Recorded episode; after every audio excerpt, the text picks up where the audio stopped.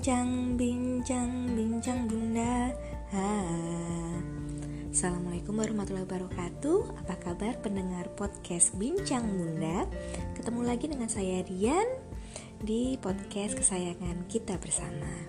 Hari ini uh, Saya mau ngomongin tentang Kenapa sih Kok udah ibu-ibu Udah jadi bunda Eh bikin podcast.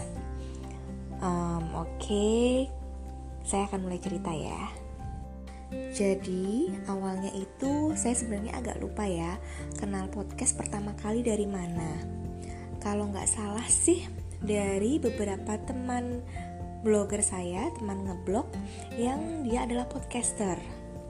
Nah dan mereka itu lebih dari satu ya, mereka sering sharing tentang podcast di Instagramnya. Otomatis saya jadi penasaran dong. Saya juga dengerin podcast mereka dan ternyata oh podcast itu kayak radio ya menurut saya seperti itu tapi kemudian ketika saya ingin membuat podcast uh, saya berpikir kembali uh, kayaknya ribet nih kalau bikin podcast karena harus ngomong dan harus bikin skrip pikir saya seperti itu kemudian saya juga belum tahu gimana caranya ya bikin podcast yang cepat yang bisa pakai HP yang gak harus editing di laptop karena saya terus terang jarang banget pakai laptop untuk bikin konten. Jadi selama ini saya ngeblok itu juga pakai HP. Nulisnya pun, nulis di Wordnya pun pakai WPS yang ada di Android. Uh, tag fotonya dan editingnya pun tuh juga pakai HP. Upload di blognya juga, share ke sosial medianya juga pakai HP. Kecuali sangat urgent sekali, atau ketika saya lagi ngetik di luar rumah gitu ya misalnya di coffee shop gitu itu baru saya pakai laptop. Tapi jarang sekali. Kemudian uh, begitu juga dengan bikin konten di Instagram yang pakai Canva itu Canva-nya Canva Android. Bikin YouTube bikin video upload YouTube semuanya pakai HP nah ketika podcast mulai booming uh, dan yang saya tangkap itu adalah kebanyakan mereka pakainya laptop. Apa namanya? Take podcast pakai laptop editingnya juga. Jadi kesannya adalah ribet menurut saya.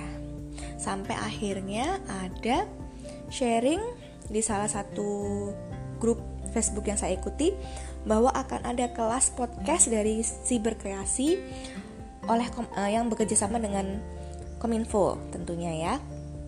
Saya daftar dong penasaran. Wah ini mumpung nih ada kelas ada kelas podcast saya be bisa belajar dari awal. Dari mulai pembuatan editing uh, sampai nanti saatnya harus distribusi podcastnya itu ke mana gimana caranya dan monetisasinya juga gitu kan lengkap banget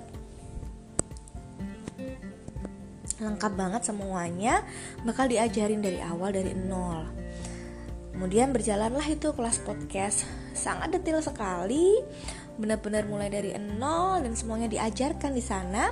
Ternyata nggak seribet yang saya bayangin loh. Ternyata bisa pakai HP dengan apa editing minimalis gitu ya. Langsung bisa jadi dan langsung bisa didistribusikan di Spotify, Google Podcast, Apple Podcast. Nah akhirnya yaudah deh saya coba. Saya coba satu kali ternyata oh iya ya mudah ya take-nya cukup 1 sampai 3 kali gitu ya saya ngulangnya kemudian waktu masuk materi editing saya nyoba edit gitu ya dan bisa walaupun sekarang saya uh, mulai agak males lagi nih ngedit karena terus terang itu text time juga ya karena saya ngeditnya kan pakai HP masih males pakai laptop walaupun saya sudah sudah tahu caranya dan ada aplikasi yang tidak terlalu sulit menurut saya gitu kemudian Wah, yang kedua, kenapa kok akhirnya saya mau terjun untuk membuat podcast adalah ini tuh kayak nostalgia gitu. Jadi, saya hidup remajanya saya waktu SMP SMA itu masih zaman radio. Saya menikmati radio, mendengarkan radio di sore hari, sempatnya sore gitu ya pulang sekolah dan malam hari. Senang ketika ada penyiar yang uh, dia ngobrol di radio, kemudian membacakan salam-salaman kayak gitu. Ada musiknya juga. Saya hidup di zaman itu. Jadi podcast tuh kayak nostalgia radio. Dulu waktu SMA saya ikut ekstrakurikuler teater dan di sana itu juga ada salah satu materinya adalah uh, siaran. Jadi siaran radio yang itu disiarkan di sekolah. Jadi suaranya tuh terdengar gitu di nggak seantero sekolah sih ya sekeliling eh, ruang ruang teater itu gitu. Dan saya kayaknya sih saya sempat siaran ya lupa lupa iket dan itu tuh nyenengin banget ngobrol gitu kan mengeluarkan 20 ribu kata yang harusnya dikeluarkan oleh perempuan. Sementara kondisi saya saat ini jarang ketemu orang dewasa lain gitu kan. Ini semenjak corona aja suami ada di rumah jadi lumayan sering ngobrol sama suami. Sedangkan sementara hari-hari sebelumnya nih sebelum corona saya ngobrolnya sama balita gitu kan atau sama anak saya yang masih SD dan itu beda banget kan ngobrol sama anak-anak dibanding dengan ngobrol dengan orang dewasa. Tuh jadi selain nostalgia dengan radio yang sangat saya sukai saat saya remaja dulu. Saya juga hidup di zaman Walkman ya. Jadi dengerin radio juga bisa lewat Walkman waktu itu. Selain nostalgia, saya juga merasakan bahwa oh, ini ada manfaatnya loh saya bikin podcast saya mengeluarkan 20.000 kata saya, mengeluarkan hobi saya untuk ngobrol, untuk mengeluarkan suara dan ini kayak me time tersendiri untuk saya dan me time tersebut juga meningkatkan kebahagiaan bagi saya. Nah, saya saya berharapnya apa yang saya sampaikan itu juga bermanfaat buat orang lain, buat para pendengar podcast Bincang Bunda. Begitu.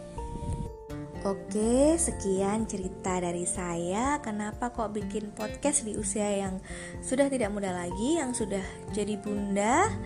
Dan semoga podcast Bincang Bunda bisa diterima oleh pendengar, sehingga pendengar yang seusia saya 3, 30 ya 30 sampai 35 tahun atau 30 ke atas juga punya alternatif uh, konten podcast yang bisa didengarkan sesuai dengan materi yang seusia mereka.